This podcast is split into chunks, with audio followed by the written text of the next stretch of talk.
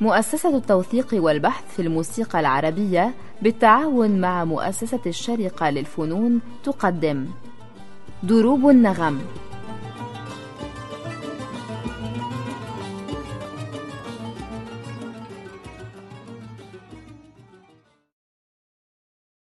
أهلا بكم أعزائي المستمعين في حلقة من حلقات دروب النغم. نواصل فيها الحديث عن العود مع الأستاذ مصطفى سعيد. أستاذ مصطفى دعنا الآن نتكلم عن العود كأجزاء. نعم. العود يتكون من صندوق قرانين شكله بيضاوي وهذا الصندوق منقسم إلى عدد ما من الأضلع. أحيانا بيكون 11 أحيانا بيكون 13 أحيانا بيكون أكتر كل واحد حر. هذه الأضلاع ملحومة بعضها بتكون هذه التحديبة اللي بتضخم الصوت جوه الآلة. مثبت على هذا الصندوق قطعة من الخشب الرقيق هي وجه الآلة لوحة الصوت يعني. هي خشبة مستوية تثبت على الوش بيكون حواليها داير اللي هو بيوصل الوش مع القصعة. وتحت منها في عدد من الجسور أو الدوائيس بيختلف من صانع لصانع كل واحد عنده وجهة نظر في هذه المسألة. هذه الجسور هي اللي بتثبت الوش عشان ما يتنيش عشان ما ينكسرش أو ينزل وبتكون من فوق لتحت. إحنا كده كملنا شكل الكمثرى المقطوعة إلى نصف. نعم. في ناحية آخر الوش في الجزء الرفيع من الآلة بيكون موجود الفتحة. أحيانا بتكون مقفولة بشيء منقوش أو أحيانا بتكون متروكة اللي هي الشمسية اللي بيخرج منها الصوت. وإلى جوارها من جهة الخارج في الرقمة. اللي هي علامة للمكان اللي بينعزف عليه بيضرب عليه بالريشة والرقمة بتكون مثبتة على الوش. طبعا نسينا نقول الوش أحيانا بيكون من قطعتين خشب ملسوقين أو ثلاثة أو أربعة حسب المتوفر. تعمل من خشب الأرز أو من خشب الشوح. بعدين جنب الرقمة بيكون الفرس اللي هو بيتربط فيه الأوتار وهو بيكون ملحوم لحم على وجه الآلة. بعدين بيكون ملحوم إلى يسار العازف على الأصعى في أرفع جزء من الصندوق الصوتي بيكون ملحوم جزء آخر اللي هو الرقبة. هذه الرقبة اللي هي بيتعفق عليها وفوق الرقبة بيثبت المراية أو مسطرة العفق. أحيانا بتقف على الوش وأحيانا بتكون فوق الوش كمان بتكون داخلة لجوه حسب الرغبة. والرقبة بيكون طولها طول تلت الوتر. تلت الوتر مش تلت الآلة انتبه. تلت طول الكلي للوتر. وعلى آخر الرقبة بيكون ملحوم جزء آخر البنجق اللي بيكون فيه المفاتيح الشد. حسب كم وتر بيكون راكب بيتركب مفاتيح. وبيحمل الأوتار من تاني جهة الأنف اللي هي بتكون مثبتة بين الرقبة والبنجق. بيستحب إن هي تكون مش ملحومة بس في ناس بتلحمها أو في ناس بتتركها يعني الوتر هو اللي يثبتها. وده يعني الأشيع والكاد يكون الأفضل. وهذه وجهة الأقل. قطعة من العاج ولا قطعة من إيش؟ في ناس بتعملها من العاج في ناس بتعملها من العظم في ناس بتعملها من الخشب عادي مش فارقة كل واحد وجهة نظره إذا مثلا طول الوتر بيكون نقول 60 سم على سبيل المثال مش بالضرورة أنا شخصيا عوادي مش 60 سم بس القصد يعني إنه خلينا نقول ده على سبيل التقريب فإذا بيكون 20 سم هو في الرقبة و40 سم في الصندوق أو على الوش بيثبت الفرسه في نهاية هذه ال 40 سم بيكون في جزء بين الفرس وبين بداية الوجه أو التقاء الوجه مع الصندوق هذا الجزء بيسمى الخزنة. وده يستحب إن هو يكون خالي من الدوائيس يكون في جسر يدوب على منطقة لقاء الوش بالقصعة وبعدين لحد الفرس يكون خالي من الدوائيس علشان دي الخزنة اللي بيكبر فيها معظم الصوت. بقى دي آه، أجزاء العود اتمنى إنه ما يكونش. في ناس بيحطوا كعب على لقاء كل الأضلاع ناس بيحطوا كعب كده عشان يربط الأضلاع ببعضها ما يبانش. وفي ناس لأ بيقرروا إن هم يربطوا الأضلاع ببعضها من الآخر بشكل ما يبانش بشكل فني ما يبانش ابدا إن هو مربط ببعضه. أو مكسر. نعم حسب رغبة الصانع نفسه يعني. في ناس بيحطوا الكعب ده وفي ناس ما بيحطوش. والأوتار مفردة ومثنى؟ نعم الأوتار في حالة العود الستة على سبيل المثال بيكون في خمس أوتار مزدوجة ووتر واحد اللي هو القرار فوق بيكون فرد مفرد. بس حتى في العود الأربع أوتار بيكون في وتر مفرد بيسموه اليتيم أحيانا اللي هو البم وفي ناس بيركبوا أوتار مجوز على طول الخط. وبيكون المادة المستخدمة حسب كل واحد ورغبته. في ناس تستعمل أمعاء ناس تانية تخلط بين الأمعاء والمعدن معدن وحرير. مثلا في ناس تستخدم حاليا حتى في سينثيتك مواد سينثيتك زي النايلون والقماش السينثيتك اللي بيكون راكب عليه بعض المواد الأخرى. يعني كل واحد آه، حسب وجهة نظره. نعم.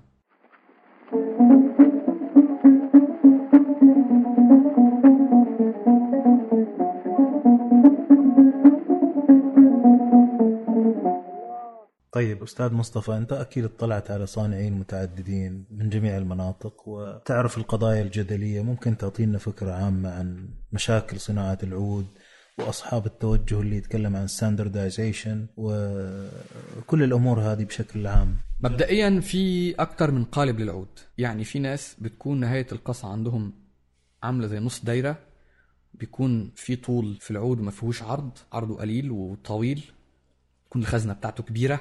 في ناس تانية بتخلي القصعة كأنه العود بيقدر يقف والعود يعني بيكون عريض شوية وطبعا أطوال الوتر تختلف تماما حسب كل واحد.